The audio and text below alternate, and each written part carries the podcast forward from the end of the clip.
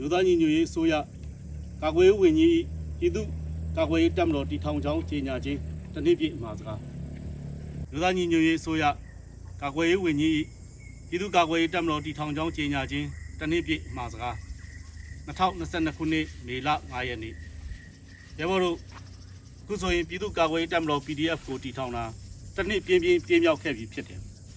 ဒီတစ်နှစ်ဆိုတဲ့အချိန်တွင်ဂုံရောင်ပြောင်တဲ့တပ်မတော်တစ်တစ်ခုကိုတည်ထောင်ပြီး ဆရာနာရှင်စန့်ကျင်ရေးပြည်သူခုခံတွန်းလှန်စုပ်ကိုရွရွချွန်ချွန်ဆင်နွှဲနေကြတဲ့ရဲဘော်တယောက်ချင်းစီတိုင်းကိုဥညွတ်အလေးပြုလိုက်ပါတယ်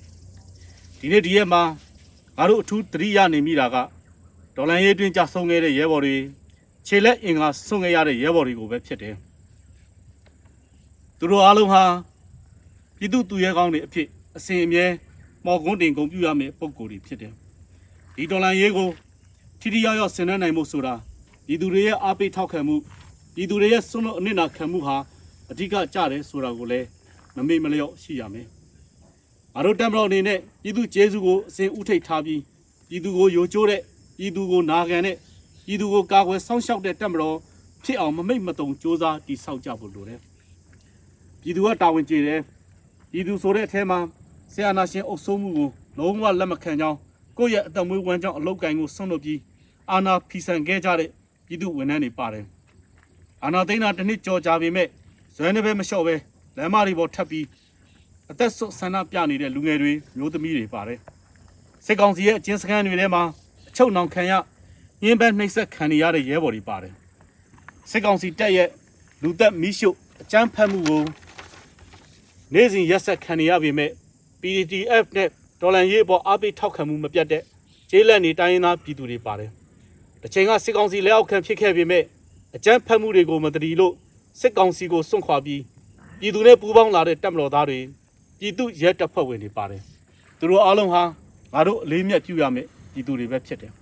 ။ပြည်သူကတာဝန်ကျေချိန်မှာဒီတော်လန်ရေးအောင်ပွဲခံတဲ့အထိတိုက်ပွဲဝင်ကြဖို့ကငါတို့ပြည်သူကာကွယ်ရေးတပ်မတော်ရဲ့တာဝန်ဖြစ်လာတယ်။ပြည်သူကာကွယ်ရေးတပ်မတော်ထူထောင်ရမှာ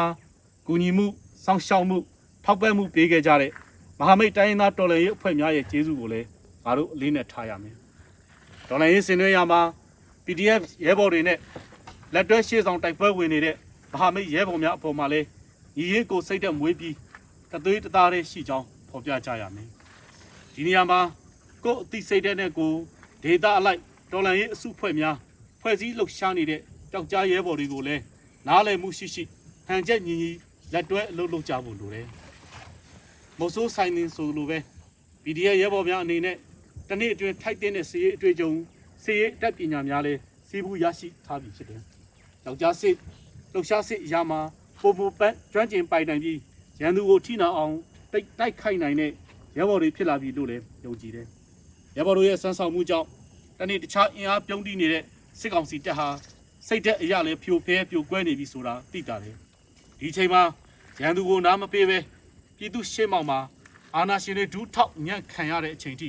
အဆက်မပြတ်အချိန်နှင့်တိုက်ခိုက်ချဖို့အချိန်ရောက်လာပြီ။ဒါကြောင့် PDF ရဲဘော်အားလုံးစစ်ဘက်ဆိုင်ရာကျင့်ဝတ်နဲ့စီကံများကိုလေးစားလိုက်နာကြပါ။နေ့အထက်မိတ်အစဉ်စဉ်ကိုနာခံကြပါ။တတိဝရိယနဲ့ဉာဏ်ပညာကိုကောင်းကောင်းအသုံးချကြပါလို့တိုက်တွန်းလိုတယ်။ပြည်သူတော်လှန်ရေးမုတ်ချအောင်ရမည်။ဂျီမွန်ကာကွယ်ရေးဝင်ကြီး